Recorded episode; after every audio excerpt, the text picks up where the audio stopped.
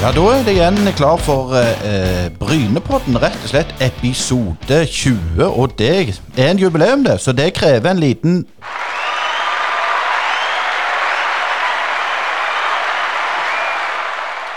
En liten applaus til oss der, Asker. Ja, Det høres ut som det er flere enn eh, de 200 tillatt eh, på, på tribunen akkurat. Det gjorde ikke det? Jo, heldigvis er det ikke så, så, så, så krav til lyttere på, det, på reglene. Men vi har mye før oss i dag òg, Øystein. Ja, vi har rett og slett tatt en liten, eh, liten vri. Vi har snakket med en som ikke er interessert i fotball og idrett eh, overhodet, i Kjell Arild Pollestad. Og eh, ja, det skal bli spennende å høre hva han har å si. Ja, eh, det er jo en heimkommen sønn som har vært lenge vekke fra Bryne, selv om han har vært hjemme i ferie. Sånn, og Eh, kanskje et litt nytt bilde i Brynebyen, eh, iallfall siden jeg bodde der. Eh, så det blir spennende å høre hva han har opplevd gjennom et langt og rikt liv. Ja, Vi kan vel kalle, ikke kalle han den bortkomne sønn, men eh, vi skal innom litt religion og litt eh, forskjellig. Så har vi jo selvfølgelig Even i analysehjørnet, og så har vi snakket med en, en keeper i um, Igor Spiridonov. Og en eh, Ja, det er jo en, en kjempe. Ja, Det er jo en, eh, en, en som har vært solid siden han kom fra Eik til Bryne og virkelig uh, levert. og Han er vel òg involvert litt uh, lokalt i, i, andre idrettslag, er ikke det? Jo, han er med i, i Kåsen, og han har vel G14-laget som han trener på Bryne, så han har virkelig stått på for lokalmiljøet. Det tror jeg er, er lurt for, for, å komme inn i miljøet, så du ikke bare blir sittende og snakke med likesinnede, sagt. Og vi tok hele intervjuet på norsk, så det blir spennende å høre. Ja, Det gleder vi oss til, så vi får bare rulle i gang. Da skal vi rett og slett eh, til bakerste benk i, i, Bryne fotball og snakke med keeper Igor Spiridonov. Og eh, velkommen til Brynepodden, Igor. Yes, uh, takk. Takk for det.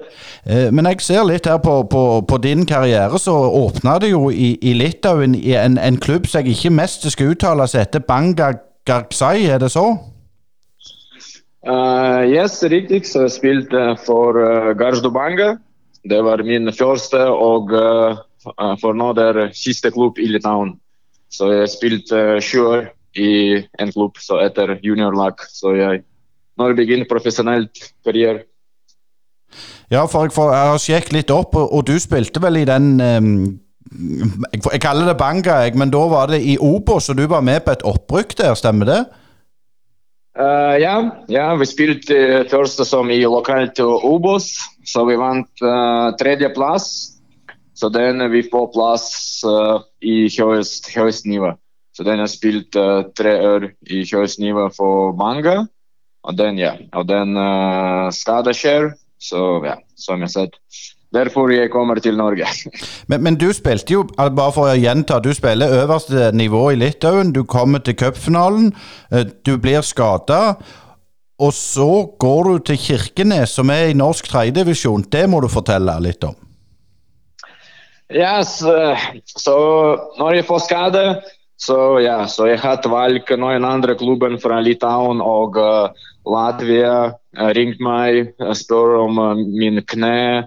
Og den er også kompis fra Litauen, men han spilte en år i Kirkenes. Så bare ring meg og ja, forteller. Så hvis jeg kommer i Norge, så den Jeg trenger ikke stress med min kne, så den jeg kan bare spille fotball når jeg er klar.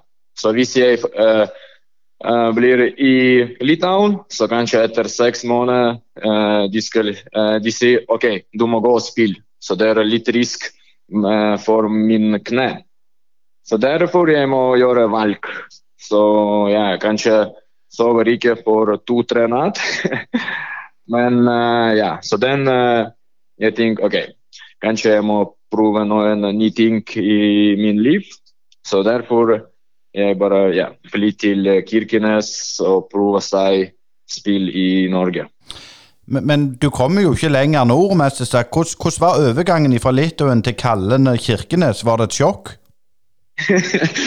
Ja, uh, først sjokk var når jeg prøvde å finne Kirkenes på Google Maps. så, så, det var litt, litt, litt sjokk. Uh, så jeg tror ok, kanskje Kirkenes uh, nærmere til Oslo eller Stavanger. Så det blir ikke stort problem. Men når jeg finner Kirkenes på Google Maps Jeg var litt sjokk. Men jeg tror det var ja, noen spesielt for meg nå. og Jeg bor to halve år i Kirkenes. Så jeg tror Når jeg snakker med andre kompis og andre folk og forteller hvordan den uh, bor i, i Kirkenes, så andre også sjokk når det er ikke sånn på 20, 20, 24 timer og mye snø på åtte måneder. Så ja, så det er ganske spesiell tid. Men uh, jeg er fornøyd, fornøyd, med den, så jeg ser nå hele Norge. Så jeg bor i Kirkenes, den Egersund, så nå Bryne, så ja. Nei, det, var det, det, var det, det, var det, jeg skulle si, Igor. At du går fra en spesiell Kirkenes til en annen spesiell plass i Egersund. Og egersundere er jo òg litt spesielle, er det ikke det? yes, det, er riktig. Så jeg, som du sier, jeg bare går fra en spesiell eh, plass til andre. Så den er fra Egersund til Bryne. Så for meg Bryne også det er en spesiell uh, klubb og spesiell by. Så, så min valg var spesielt, spesiell by. Stemmer det. Men nå, eh, Igor, nå har du jo befesta posisjonen din og spiller vel bedre enn aldri før, eller, eller hvordan føler du det har gått i Bryne?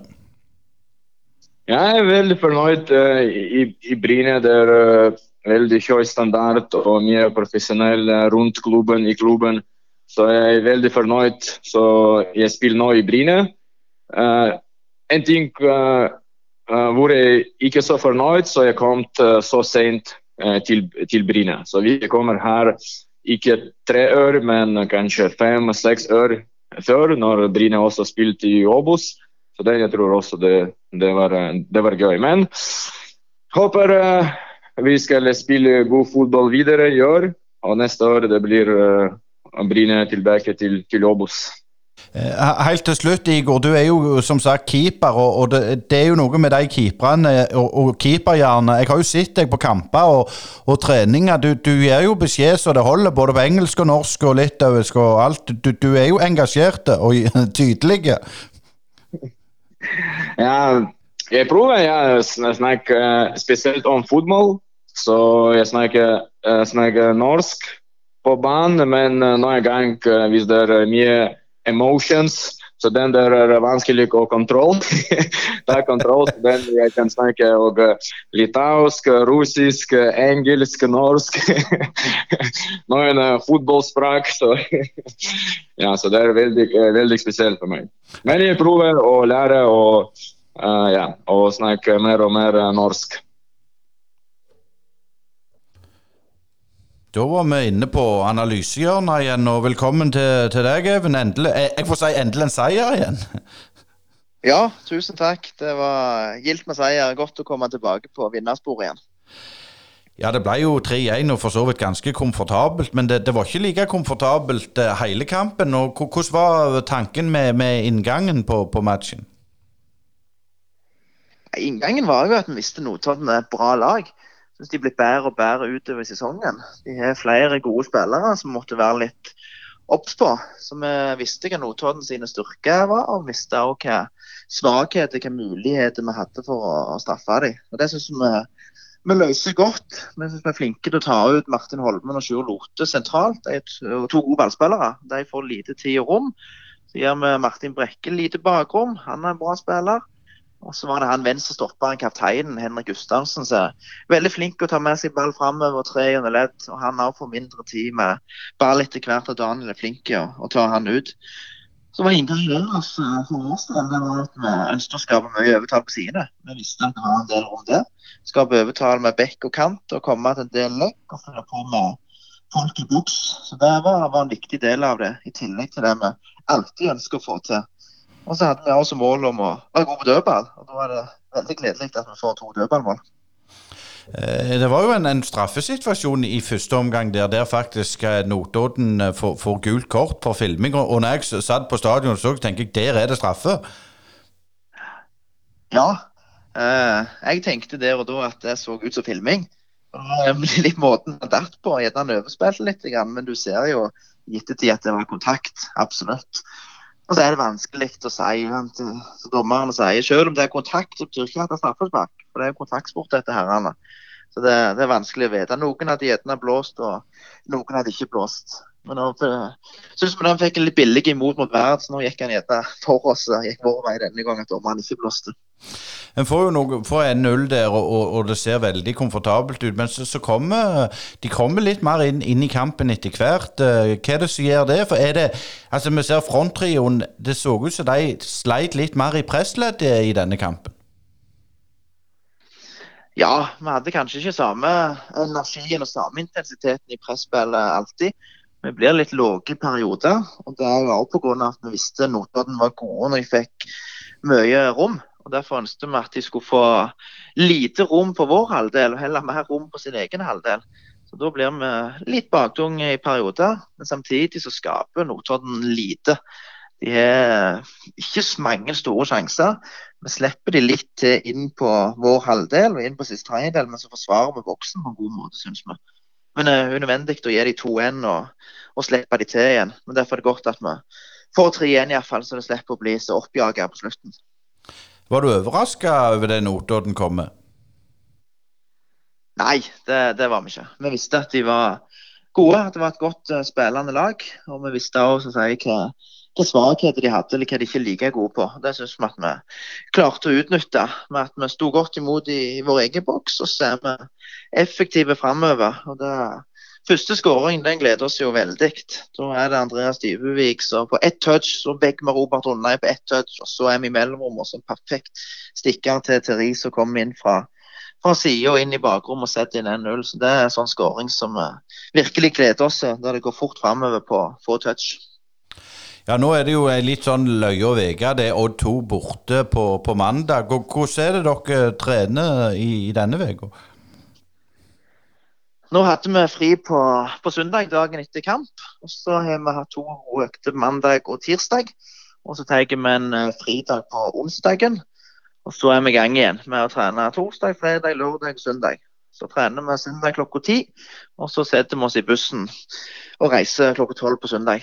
Så er vi på plass søndagskveld og får en god natt med, med søvn, og så er vi klare til kamp på mandag klokka tre.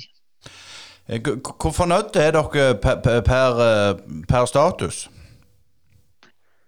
Vi er godt fornøyde. Det, det, er vi. Hadde noen sagt vi skulle ha den poengsummen vi har nå etter ni kamper, så hadde vi sagt ja takk og vært veldig fornøyde med det. Og vi syns vi har vært solide spillemessig da. Vi har sett litt på hvordan vi skårer målene våre. Nå etter ni kamper så kan vi se om det er noe som går igjen. Og vi ser det vi er flinke å fylle på med folk i boks. Vi er flinke å sette opp våre offensive spillere i gode posisjoner, sånn at de kan skape sjanser og skåringer. Og så er vi også fornøyd med, med, mye av det defensive. At vi solide slipper til generelt lite sjanser og slipper inn ja, vi slipper inn litt mer mål enn noen andre lag, men likevel lite. Så det er vi fornøyd med. Men samtidig så ser vi et stort forbedringspotensial, og vi vet hva vi ikke har gjort like bra. Så det er alltid ting som kan bli bedre. Og Det, det tror vi skal bli ut sesongen her, for vi mener det at vi, vi er i utvikling. Så går det sikkert litt opp og ned, men vi håper at det går mest opp, og at vi plukker jevnt og trutt med poeng framover.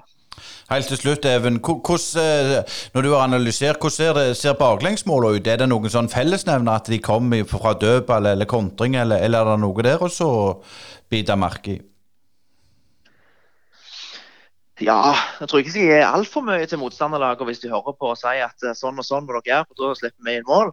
Men uh, det var noen innleggssituasjoner der vi kan bli bedre til å hindre innlegg, og vi kan bli bedre til å ta ut folk i boks rett og slett ikke bli for mye ballwatching og ha kontroll på både ball og motspiller. Så det kan bli, bli bedre. Så ser vi ja på våre egne mål at vi, vi skårer mål både på kontringer, på dødballer, mot etablert forsvar. Så det er ganske jevnt fordelt. Og det er godt å se at vi ikke bare er et kontringslag eller et dødballag, men at vi klarer å skåre mål på ulike måter. Er det, er det bare Balvinson som er ute nå? Ja, det er det. Det er kun Rogg hvis ikke er i full trening. Så resten av gjengen er i full trening, og nå er holdt han også tilbake etter karantenen sist. Så det er slagkraftig, god gjeng, god tropp, så er jeg klar til kamp mandag.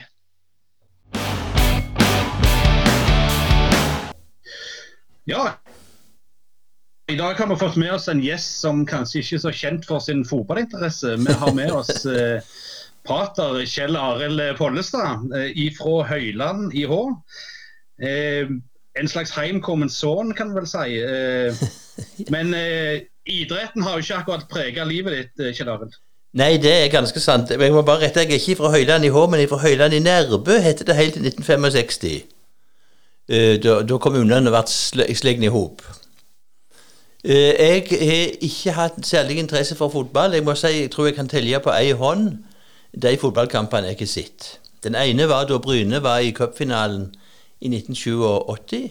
Var det ikke Brann de spente imot, tro?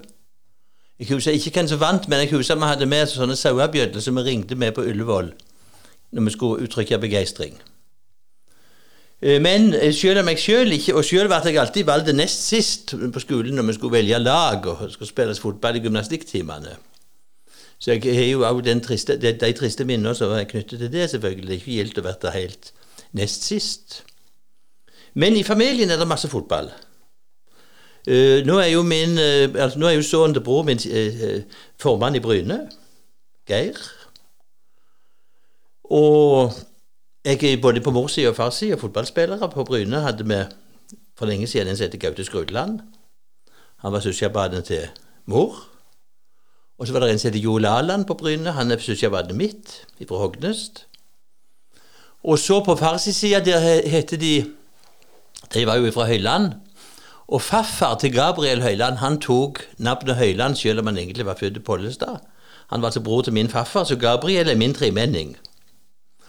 Og søster til Gabriel hun er da mormor til den store, mest berømte jærbuen gjennom alle tider, Erling Braut Haaland. Så jeg kan altså skryte av at jeg er tremenning til mormor hans. Det er jo ikke akkurat tjukka slekta, men det er iallfall sånn at jeg har litt forbindelse med, med de Høyland, Mister Bryne osv. Og det er kolossale fotballinteresse i familien, så jeg er i grunnen et utskudd akkurat på det punktet, og på en del andre punkter òg, må jeg nok si. Eh, Jeg gikk jo selvfølgelig på skolen på Høyland. Der hadde vi jo lærer Hidle. Det var en kjent skikkelse her på Jæren. Og han var ihuga avholdsmann. Når ølet går inn, går vedet ut, sa Hidle. Og drev avholdslag og alt mulig eh, i fritida. Og så gikk jeg på gymnaset her på Bryne, og det var altså i, på 60-tallet. Da het det det begynte med Rogaland offentlige landsgymnas da jeg begynte, og så het det Bryne gymnas da vi var ferdige i 68. Og da var Bryne en helt annen plass enn det er nå. Og jeg husker vi hadde altså 40-årsjubileum for en tolv år siden. Og da var det Kjell Olav Stangeland, altså Jærbladets daværende redaktør, som hadde en, en tur med oss rundt på Bryne. Og de var jo helt overgitt, de som ikke bodde her, hvordan det hadde forandra seg på de, den tida. Og Kjell Olav sa helt rett at det forandra seg mer de siste ti åra enn de foregående 30. Og dette er i grunnen enda sannere nå. Nå har vi hatt 50-årsjubileum, og, og de som kom hit da, de var jo helt overgitt over hvor stor og flott by vi hadde fått her. I forhold til det var på 60-tallet, da det bodde 3000 alt i alt her på Bryne. Gymnaset var jo en fantastisk plass. Vi ble jo behandla som voksne den gangen på skolen. Lærerne var med på etternabben med oss, iallfall med guttene. De sa førnabben til jentene, noen. Og det var svært høy kvalitet på undervisning, og det var Bryne gymnas hadde landets beste resultat. Ingen andre gymnas i landet hadde gjennomsnittlig så mange såkalte preseterister som Bryne gymnas. Jeg må straks si at jeg var ikke sjøl en av dem.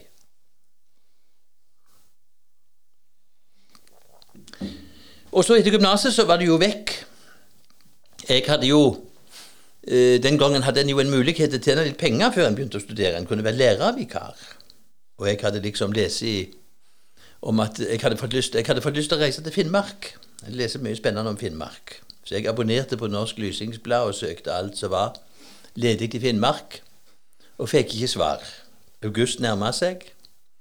Så måtte jeg strekke lengselen litt lenger sørover, så jeg søkte i Lærdal i Sogn. Der var det en stilling på den kommunale realskolen uten eksamensrett. Og Der fikk jeg stillinga med en gang. Og ikke før hadde jeg sagt ja til Lærdal, så kom det beskjed fra Havøysund i Finnmark at jeg var ansatt på ungdomsskolen der. Men senere har jeg reist mange ganger forbi Havøysund med hurtigrute, og da har jeg hver gang takka min Gud og skaper for at skolestyret i Lærdal var kvikkere ut enn skolestyret i Havøysund. For det ser nokså forbles ut der oppe. Mens derimot i Lærdal var det jo kjempefint. Bortsett fra at å komme fra et landskap som består av 90% himmel, til et landskap der du må legge hodet i vinduskarmen for å se himmelen, det var jo litt av en overgang. Så til å begynne med følte jeg jeg bodde liksom i en kjedler. Men det ble et veldig gildt år. Men eh, jeg skulle jo da selvfølgelig tjene penger til studier. Og hadde da eh, hybel hos en gammel onkel med trefot, og adgangskjøkken, som det heter.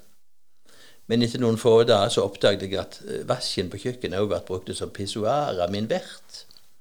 Så dermed så alle de pengene som skulle gå til studier, de gikk til Lindstrøm hotell i Plast, der jeg åt mine måltid. Et helt år på kafeteriaen der. Men det ble et festlig år.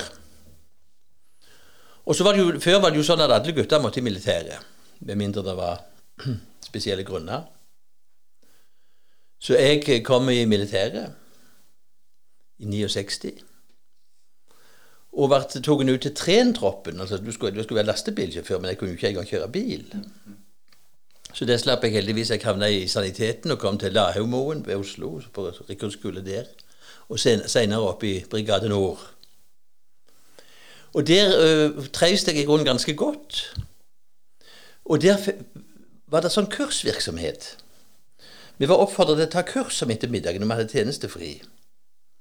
Men så hadde vi jo lite penger. Vi fikk seks kroner dagen. Og seks kroner dagen det helt enten til en pakke sigaretter eller en, en halv liter øl. Og de som ville ha begge deler, de hadde da et problem.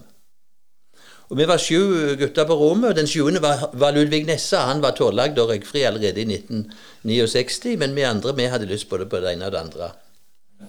Og jeg som jærbu tenkte når det er et problem, så må en finne en rask løsning. Så var det en dag jeg sto inne på velferdsoffiseren sitt kontor, og så oppdaget jeg oppi Bak han så sto det et helt, et helt klassesett med lærebøker i russisk. 'Penguins Russian'. Og da fikk jeg en idé. Kunne ikke jeg få lov å gi kurs i russisk til eventuelt interesserte medsoldater? Det foreslo jeg for. Og han var jo skeptisk. Han spurte kan du russisk. Jeg kunne ikke et ord russisk. Men jeg hadde allerede forstandet så mye av livet at jeg visste at den beste måten å lære noe på sjøl, det å undervise andre i det en ikke kan. En skal bare passe på å ha tre leksjoners forsprang. Så, kan, så går det ofte bra. For når en sjøl holder på å lære, så vet en òg mer hvor skoen trykker. Så da var han henrykt, og jeg skulle få 30 kroner i timen, to dobbelttimer i uka. Altså 120 kroner til en mann som tjente, 100, tjente 36 kroner i uka. Alt skulle gå til øl og sigaretter for meg sjøl og mine romkamerater. Jeg var jo røykfri sjøl da. Og så meldte det seg tolv og dette var jo selvfølgelig helt fantastisk for, for, for meg. For dette, jeg lærte faktisk så mye sjøl på det at jeg, når jeg begynte å studere russisk neste år etterpå, så kunne jeg hoppe over hele forkurset, altså et, et helt semester. Så da tok jeg inn, inn, igjen en del av de pengene jeg hadde øst vekk i, i Lærdal på et effektivt studium. Men uh,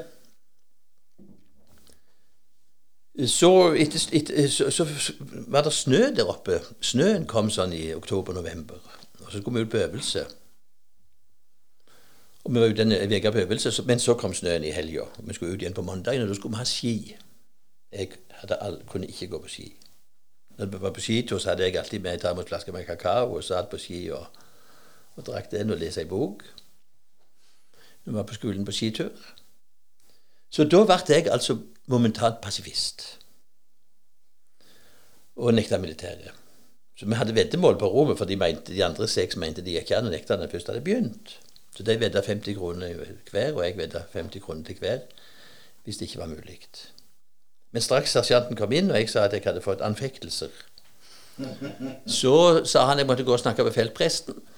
Og Han så ut som han hadde venta på at folk skulle få anfektelser, så han var straks på skrivemaskinen 44 Pollestad er kommet i anfektelser. Og der var det fritt.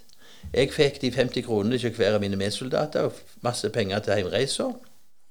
Men i plassen da for å reise til Tromsø med bussen som jeg skulle, så stilte jeg meg bare på veien og heika helt hjem. Og det var ei fantastisk reise gjennom Norge. Og da husker jeg jeg kom til Nidarosdomen. Jeg kom til Trondheim, hadde aldri vært i Trondheim. Hadde aldri sett Nidarosdomen. Men så var det et kontor i nærheten der. Alt var stengt. Så gikk jeg opp på det kontoret. Du vet, Jeg var da i brigadeuniform, som var en flott uniform. og Det var ikke noe problem å få haik heller men når du hadde sånn reinsdyr på armen og var brigadist. Så kom jeg der var det en gammel, skallete mann oppe på det kontoret. Så viste jeg å være kirkeverge Albertsen. Og han åpna Nidarosdomen, slo på alle lysene og gikk rundt med meg i en time. Og viste meg domkirka. Da visste verken han eller jeg at to-tre år seinere skulle jeg komme til Nidarosdomen og være guide der i fire somre etter en annen. Så det var en flott begynnelse på den, den historien. Og så kunne jeg endelig begynne å studere. Da studerte jeg russisk. Begynte på det. Men så skjedde det underlige at jeg haika til Roma mens jeg, mens jeg var sivilarbeider. Jeg var sivilarbeider på Moi, på en sånn skole for gutter med tilpasningsvansker, som det heter. På Skåland på Moi. Det var en fantastisk gild plass. Og de guttene var ikke verst, de heller, når de bare tok de på den rette måten. Men de hadde fått lite oppmerksomhet og, og, og hengivenhet i livet. Var prega av det. Men så, så haika jeg altså til Roma i påskeferien. Og der kom jeg altså helt uforvarende inn i ei, ei Først var jeg i Peterskirka, selvfølgelig, det var jo flott. Men så kom jeg uforvarende inn i ei kirke midt på skjærtorsdag. Den store Maria, Santa Maria Maggiore, het hun. Og der var det gudstjenesten i full gang. Og da var det liksom jeg opplevde at det, det som foregikk her, det var sant. Dette er sant, sa jeg til meg sjøl. Og Dermed så fikk livet en ny, en helt uventa retning i forhold til det jeg hadde planlagt. Så jeg flyttet, da jeg kom tilbake til universitetet, så flyttet jeg et par etasjer ned. Russisk var i 9. og 10. etasje, og teologisk fakultet var i 7. og 8. Så jeg begynte da på teologisk fakultet og studerte teologi. Men så fant jeg ut etter, noen, etter en stund at den, det, det, som jeg opplevde i Norge i kirka, det var så ulikt det jeg opplevde i Roma. Og dette fortalte jeg til en medstudent, og han tok meg da med til, til det klosteret i Oslo der jeg senere skulle komme til å bo. Til gudstjeneste der, og der var det akkurat som i Roma. Så da gikk jeg der. Og det endte med at i 1975 så ble jeg både katolikk og gikk inn i klosteret. Så det var mm, den reisa der. Som var litt, vært en litt original reis. Men så er det så mange merkelige ting. For da kom jeg jo til å bo ni år i Frankrike, fire år i Toulouse og fem år i Paris og tre år i Roma. Og jeg hadde altså ei gammel eh, grandtante her på Bryne, storesøster til morfar min, som heter Gudrun Lala. Det var ei kjent lærerinne her på Bryne. Og hun sa til meg da jeg var 16 år, nei, da jeg var 15 år Hvis du vil lære fransk med meg i vinter, så skal du få være med til Paris neste sommer. Hun var jo fantastisk i språk. Og vi lærte fransk. Jeg lærte fransk med henne den vinteren. Og vi var i Paris. Busstur over land. Danmark, Tyskland, Luxembourg, øh, Frankrike og Belgia og Nederland på tilbaketuren. Enorm reis for en 16-åring.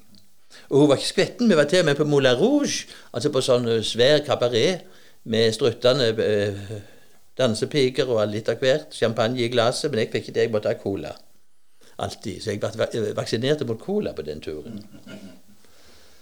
Og så Seinere skulle hun sjøl lære italiensk. Så da jeg var 17, så måtte jeg sitte og lese høyt for henne på italiensk. Hun sette meg liksom inn i uttalen. Og dermed så lærte jeg òg italiensk.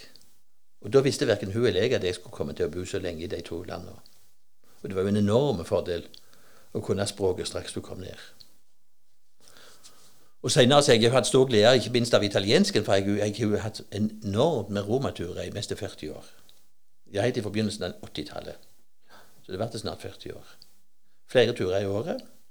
Og du får en helt annen kontakt med folk når du snakker språket.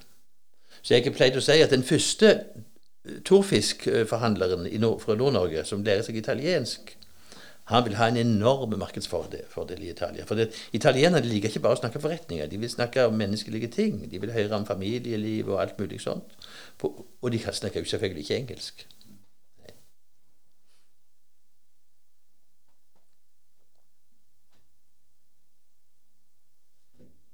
Og han sovna der nede i Jødeland, han. Å ja, nei, jeg, jeg er her. det var bare du, du datt litt ut i, i noe sånt. Men eh, altså, eh, å komme til Roma Jæren i oppveksten din, det var vel kanskje prega av eh, enten var du såkalt vertslege, eller så var du eh, i, i bedehusmiljøet. og jeg vil tro Italienerne og det du så der nede, de hadde jo et litt annet forhold til regionen enn det vi var vant med. Ja, Nå var ikke jeg akkurat noe sånn voldsomt inne i bedehuset. Altså, farmor og farfar de gikk på bedehuset. De gikk både i kjørte jo på bedehuset. Men ellers var det en plass vi ikke viste oss noe, noe, noe særlig. Altså, religionen hadde, hadde jo, religionen hadde jo en høy status eh, i min, 50- og 60-tallet. Altså, Kirka lå på en høy plass i bevisstheten til folk, selv om livet sjelden svingte innom der. Det var liksom de store høytidene og begravelse og dåp og konfirmasjon. Jo, men skolen var jo kristen. Altså Det var ikke en dag vi ikke begynte med salmer og, og bønn og, og, skrift og andakt. Og det var ikke en dag vi ikke slutta med 'Med Jesus vil jeg fare'. Så da jeg eh, hadde prestevielsen i Den katolske kirke i Oslo, så om det var en salme jeg ønsket jeg, vi skal synge 'Med Jesus vil jeg fare', sa jeg. For den sang vi hver dag da jeg gikk på skolen. Den hadde vi da òg. Og det løye med det vi lærte uten at det, Sånn som det sitter. Det er helt utrolig. Jeg, jeg hadde en gammel venn i Molde som var tysker. Eh, tyske prest. Han er død for mange herrens år siden. Men han hadde altså vært på, på østfronten under krigen som soldat. Og var tvunget til fange. Og satt åtte år i Sibir. Det var noe så grusomme tilstander som han aldri ville snakke om. Men det han fortalte, var at alt han hadde lært utenat, det levde han på i de åtte åra. Og ikke bare han sjøl, men han kunne da si fram og dele med sine medfanger ting som han hadde av dikt og litteratur og bønner og salmer, salmer og sanger. Alt sånt. Så det er når du lever i et sånt fullstendig tomt liv som han gjorde der i Sibir, der det ikke finnes ei bok, ingenting, ingenting som løfta på en måte sjela litt, så var det en kolossal Det var rett og slett en betingelse for å overleve. Det hjalp ham å overleve. Hjelpte han å overleve dette her. Så jeg tror, de, jeg tror, det er synd at lærer, de lærer så lite utenat i dag. De får lite bagasje med hvis de er vekke fra dataskjermen eller fra dippeduttene. Så, så, er det liksom ingenting. Jeg har inntrykk av mange. De kan, kan ikke engang regne i hodet lenger. Men jeg har altså bodd 40 år vekke.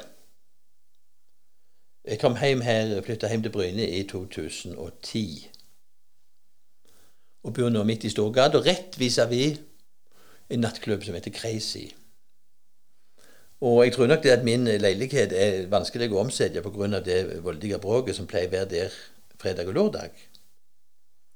Men jeg har så kolossalt sovehjerte som jeg har arva fra far min, at det gjør meg absolutt ingenting.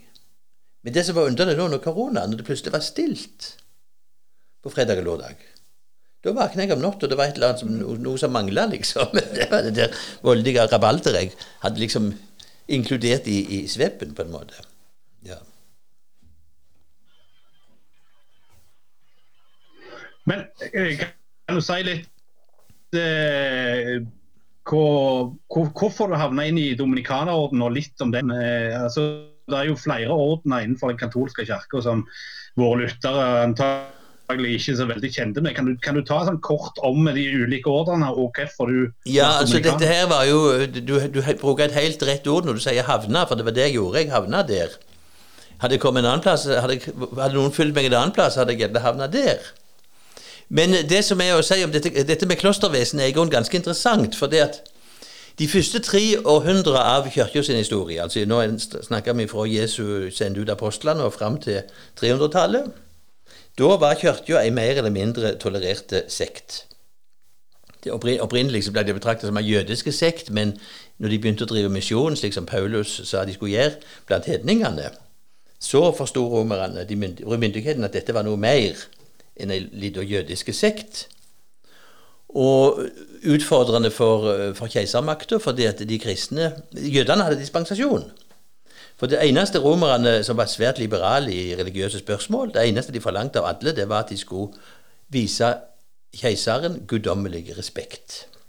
Slik at hvis du skulle ha et høyere embete, eller hvis du skulle være soldat eller gjøre et eller annet statlig, så måtte de brenne litt røkelse framfor keiseren sitt bilde i den byen de bodde. Dette nekta jødene, for de ville heller la seg drepe den siste mann framfor å vise et menneske guddommelig respekt. Og Det forsto romerne, så jødene fikk dispens. Men den dispensen gikk ikke over til de kristne, for de ble etter hvert så mange. I og med at det ikke bare bestod av jøder. Og dermed så var det eh, med ujevne mellomrom forfølgelser. Enten lokalt eller over hele imperiet. Så mange ble eh, det vi kaller for, for martyrer. Det betyr vitne, altså blodvitne. De let seg altså uh, drepe heller enn å fornekte trua og ofre til de hedenske gudene. Men så skjedde det i 312. Så kom det en keiser som heter Konstantin. Og han hadde ei kristen mor. Og italienerne de har jo en kolossal ærefrykt for mora. Så hennes religion den sto høyt i sønnen sitt eh, sinn, selv om han ikke sjøl var døypte. Det ble han først på dødsleiet. Så favoriserte han kristendommen og kirka. Og dermed så ble det fint å være kristen. Og de gamle embetsfamiliene og adelsfamiliene de skundte seg til døypefonten, for, for nå var de beste embetene i staten reservert til de kristne. Og dette gikk selvfølgelig ut over, den, over gløden i menighetene. For når, du ikke lenger, når det ikke lenger var innebar noen fare å bekjenne tro, og tvert imot det medførte privilegier, så var det en helt annen type folk som kom. Og det ble en helt annen ånd i, i selve kirka. Og dette var det noen som reagerte på, mot. Det kom et slags ungdomsopprør en slags eh, lengsel tilbake til den gløden som var i martyrtida. Og dette begynte i Egypt, der kirka sto sterkt eh, den gangen, på 300-tallet.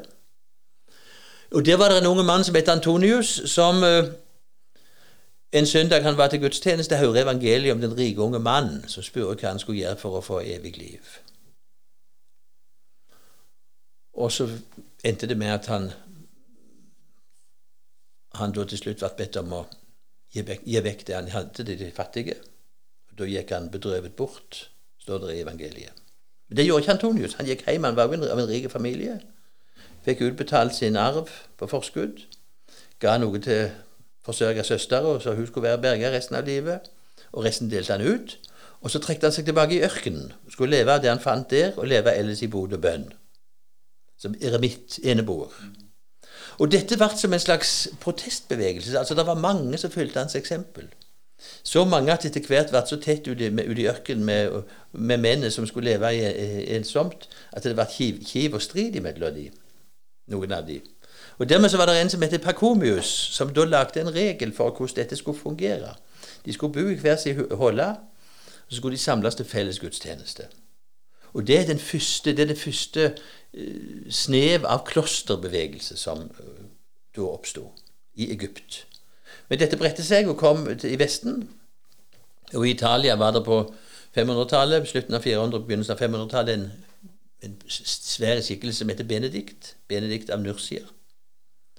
Og han eh, omplanta dette idealet til Italia. Han skrev en klosterregel som heter Benedikts regel, og som jeg tror kulturelt har nest etter Det nye testamentet, så er det ikke noe skrift som har betydd så mye for Europas kultur. For det er der han har dette berømte uttrykket 'be og arbeid'. Ora et labora. Og hva slags arbeid var det munkene gjorde? Jau, de, de, nå, nå bodde de i klostre her i Vesten. De bodde ikke i huler og huler rundt i naturen, men i klosterbygg, der de hadde hver sin celle og så hadde de felles måltid, felles gudstjeneste. Og så hadde de arbeidet. Og arbeidet var jo selvfølgelig å dyrke jorda og andre sånne praktiske ting. Men de hadde det som heter skriptorium. Og der skrev de av. Så dermed så var det munkene som redda hele den gamle filosofi og litteratur. Ved at det som var skrevet på papyrus, som er forgjengelig og skjørt, ble ført over på kalveskinn. Så de, de, de redda hele Og de skrev ikke bare fromme og kristelige i Bibelen og de fromme og kristelige bøker. De skrev av hele den ugudelige antikke litteratur. De store dikterne med nokså vovede dikt osv. Og, så og, så og på Island På 1100-tallet og 1200-tallet så satt munkene og skrev sagaene på kalveskinn. I lys av trannlampen i de mørke kveldene.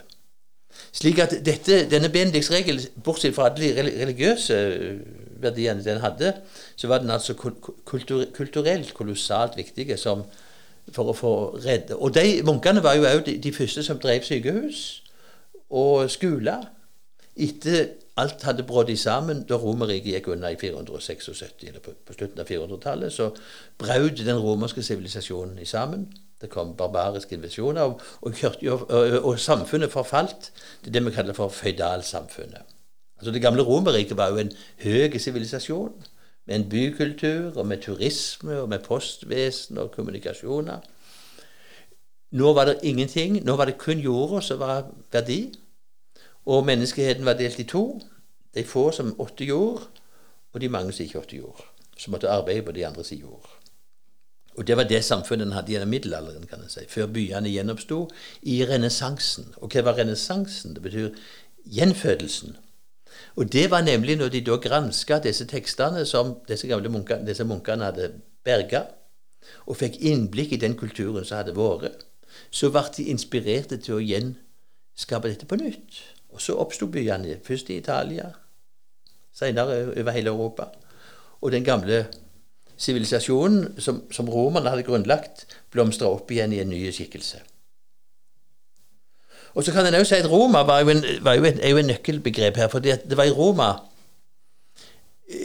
En kan si Roma har to røtter. Altså Europas kultur har to røtter. Den ene er Aten, altså grekerne, og det andre er Jerusalem.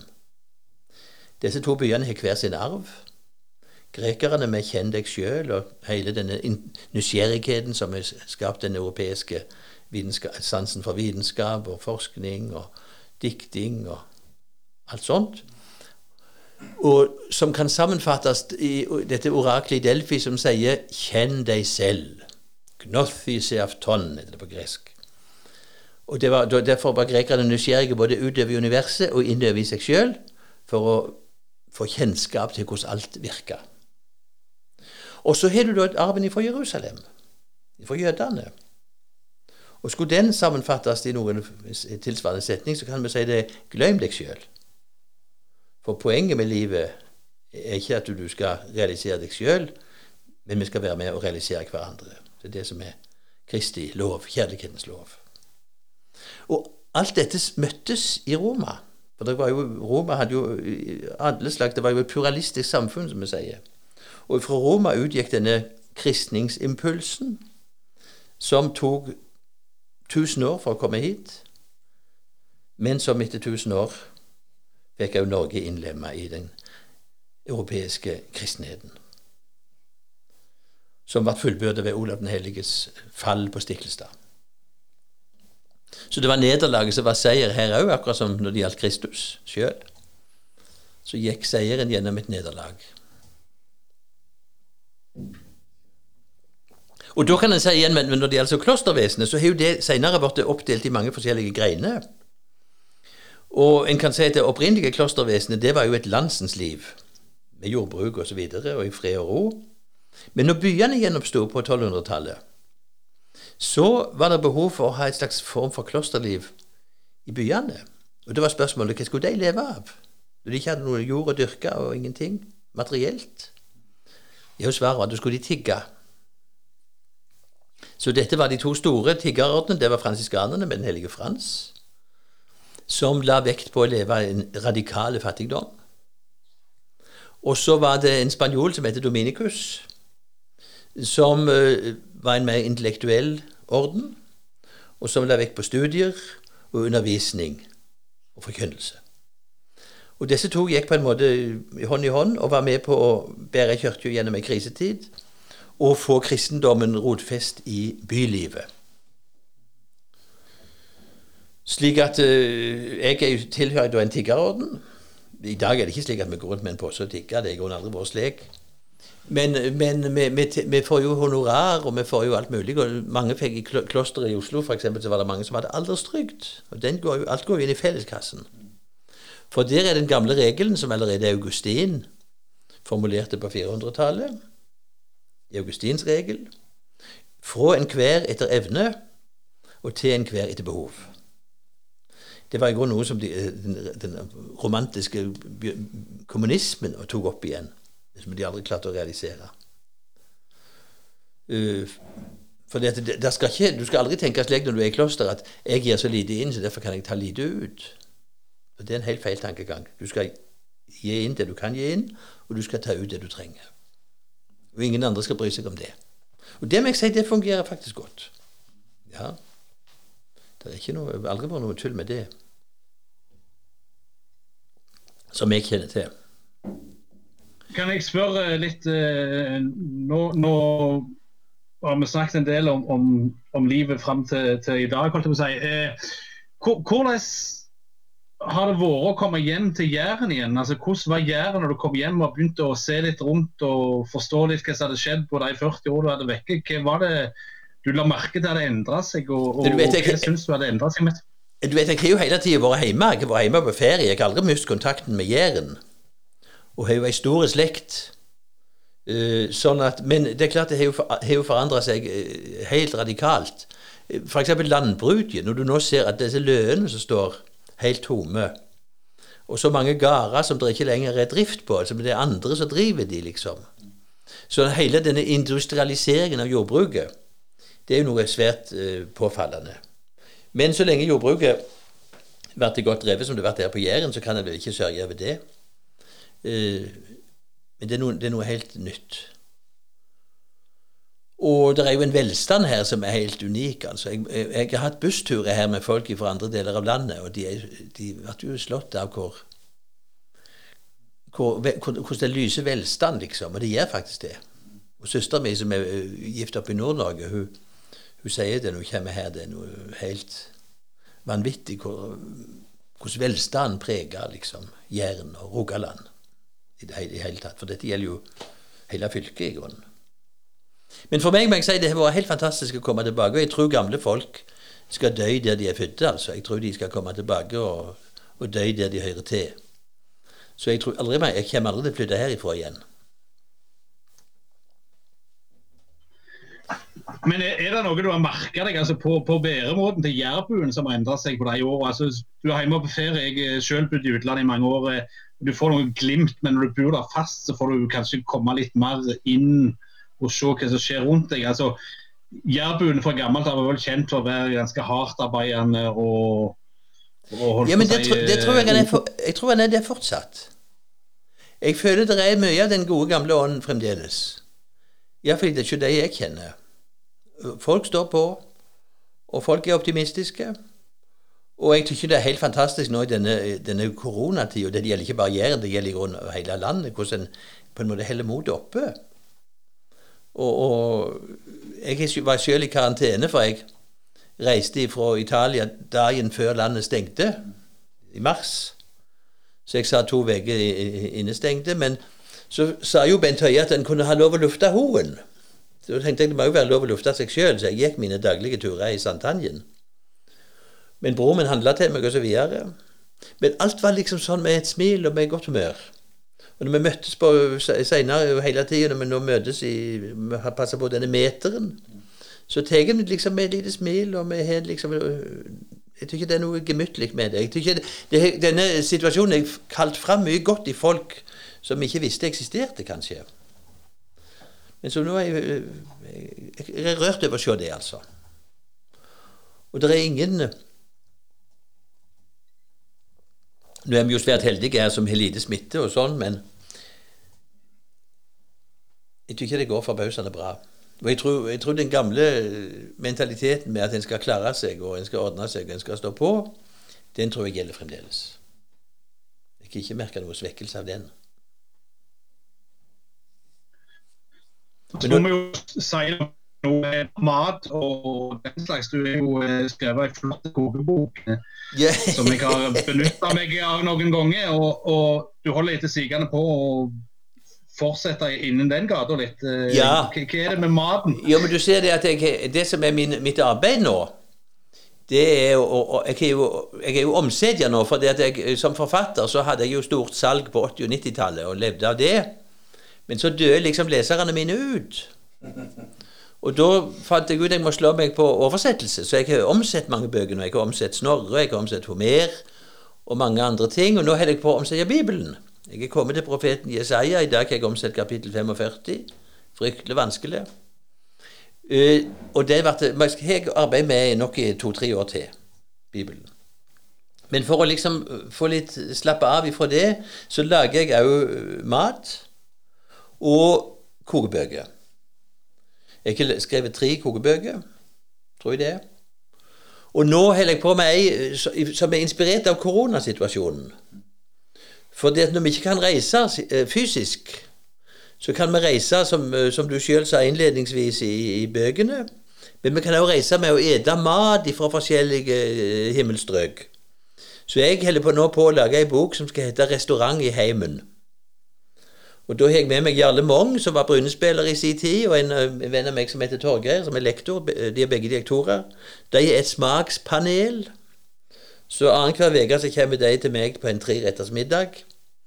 Og så går menyen rett inn i denne kokeboka, som skal komme ut på Jæren forlag om et par år. Det er allerede avtalt med forlagssjefen. Så sånne ting er jo voldsomt gildt å holde, holde på med ved siden av noe så seriøst som en bibeloversettelse. Og jeg kommer jo fra en familie der de alltid maten stander høyt i kurs. Min gamle oldemor, som drev kolonial på Bryne, gamle fru Laland, hun kunne virkelig matlaging. Og var en, for, en foregangskvinne. Hun hadde det første kjøleskapet på Bryne. Og hun dyrka persille og, og, og, sånne ting ute i hagen lenge før noen hadde hørt om det grønne drysset, som Ingrid Espelid lærte oss om seinere. Så jeg har hatt mye gildt med mat, og har det fremdeles. Men jeg må jo gå en mil hver dag for at ikke konsekvensene skal bli altfor påtrengende og tunge å bære. litt, litt eh, til, til, slutt her. Eh, jeg har, har lest noen sånne eh, litt artige leserbrev at du var ikke så veldig godt fornøyd med sånn engelske navn på restauranter og utesteder? Nei, det er en uting som er kommet nå, altså. At du må alt skal være på engelsk. Altså, de, skal, de skal ikke lenger ha, ha, ha salg, de skal ha seil. Men jeg var jo nokså og, nok og, og, positivt overrasket da jeg kom til Bryne, for det var, det var sånn Burger King eller et eller annet sånt som hadde på nynorsk. Open sto der. Og Jeg så det var flere plasser som sto Open på nynorsk. Men så kom jeg jo på det var jo selvfølgelig på engelsk. Open. Det var ikke Open. Så det var jo bare en, en kort, kort lykke, det der.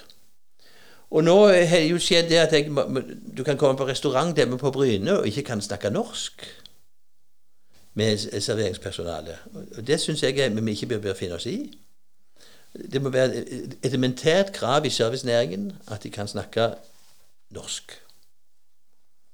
Eller svensk. Svensk går fint. Men vi skal ikke måtte snakke et annet språk enn vårt eget når vi er på restaurant i, i heimlandet. Eh, men dette er jo selvfølgelig en, en litt sånn fotballpod, og, og mm, tilbake til Bryne. Det er jo slekt, og de er blitt, blitt sjef nå, som du sier. Ja, det, jeg, jeg er farbror hans. Ja, ja. Men, men, tror, du, tror du Kommer du til å gå på Brynekamp Nei, igjen? det tror jeg ikke jeg gjør. jeg tror ikke jeg gjør det. Men jeg kommer til, jeg kommer til å, å være, eh, høre mer etter resultatet, kanskje.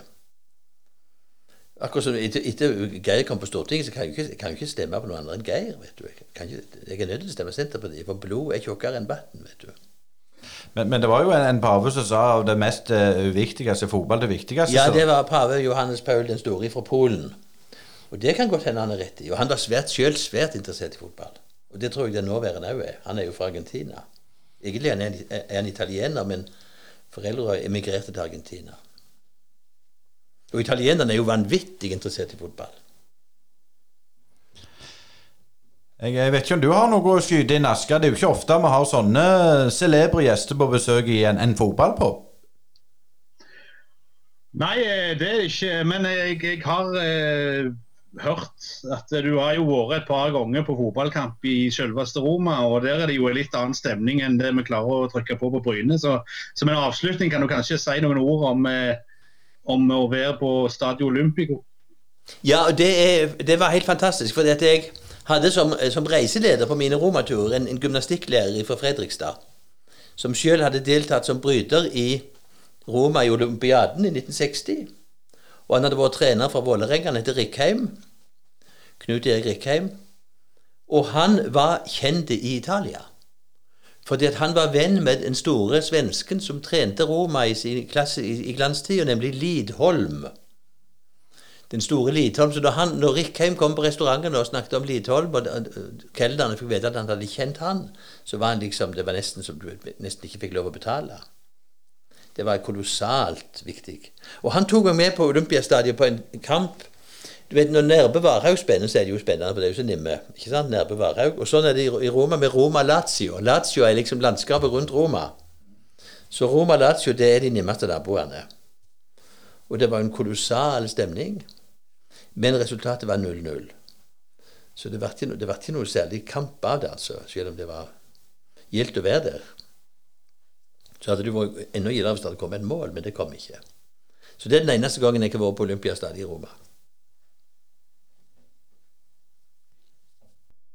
Ja, da var sending nummer 20 ved veis ende. Og vi hadde litt annen sending i dag, Øystein. Ja, og det er vel det som er gjerne litt framtid òg. At vi skal bli litt bredere, ha litt andre temaer. For det er klart fotballsesongen den er jo ikke hele året, så vi ser veldig fram til det. Tror du ikke det, Asker? Det skal bli spennende? Ja, vi må jo eh, prøve å trekke opp noen kaniner av hatten som ingen eh, ser på forhånd. og Jeg føler jo vi har gjort eh, litt av det i dag. Men nå hadde de jo hadde nå hatt med seg en romakamp, den godeste Pollestad. Ja, og jeg tror, jeg tror, faktisk han var på cupfinalen òg, så han, han, det, det, er mulig han spiller litt for galleriet her. Ja, klart. Og så er jo eh, så, altså, onkelungen Geir da, styreformann. Så der er jo, eller styreleder som det heter i dag. Og, så de, de er aktive i Bryne. Men så hadde vi òg en fin prat med Even. Ja, og det er klart det, han, eh, han, eh, han sier jo det så, så sant det. Den med straffesituasjonen som jeg, jeg beit merke i, i, sist mot Verd, så følte vi med oss snutt. Denne gang var vi litt, litt heldige, og sånn er det. Det, det går sånn eh, hipp som haps. Men det må vi òg si, ja, at vi har fått T-skjortene til gards. Så, så, det er bare til å bestille Brynepoddene. Gå inn på Facebook og Instagram og Twitter og følg oss der og se bilder av dem. 200 kroner stykk. Og det er ifra ekstra smål til størrelse meg og deg, Asker. ja, størrelse meg og deg, og, og, og enda litt til. Og, så dette blir jo interessant å få se hva, vi kan få tak i. De er selvfølgelig rødt og hvitt, og så er de svart og hvitt. Så sånne som oss, de plasser vel Når vi skal ha på slimfittene, så er det vel greit med ei svart skjorte, er det ikke det? Øystein? Jo, det er det. Og det koster kun 200 kroner, så der vi tar VIPs og kontanter, så det er bare å gi beskjed, så skal vi få møte en plass og overlevere. Så det, og de så veldig bra ut. Tusen takk til sponsorene Sør-Vest Betongsaging og Steinsland Co. som er på armene, som har gjort denne T-skjorta mulig. Men hva tenker du om, det hva tenker du om framtida?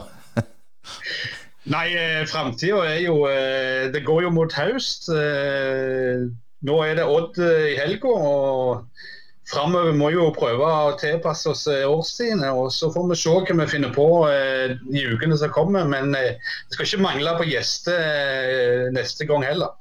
Først tar vi Odd på mandag.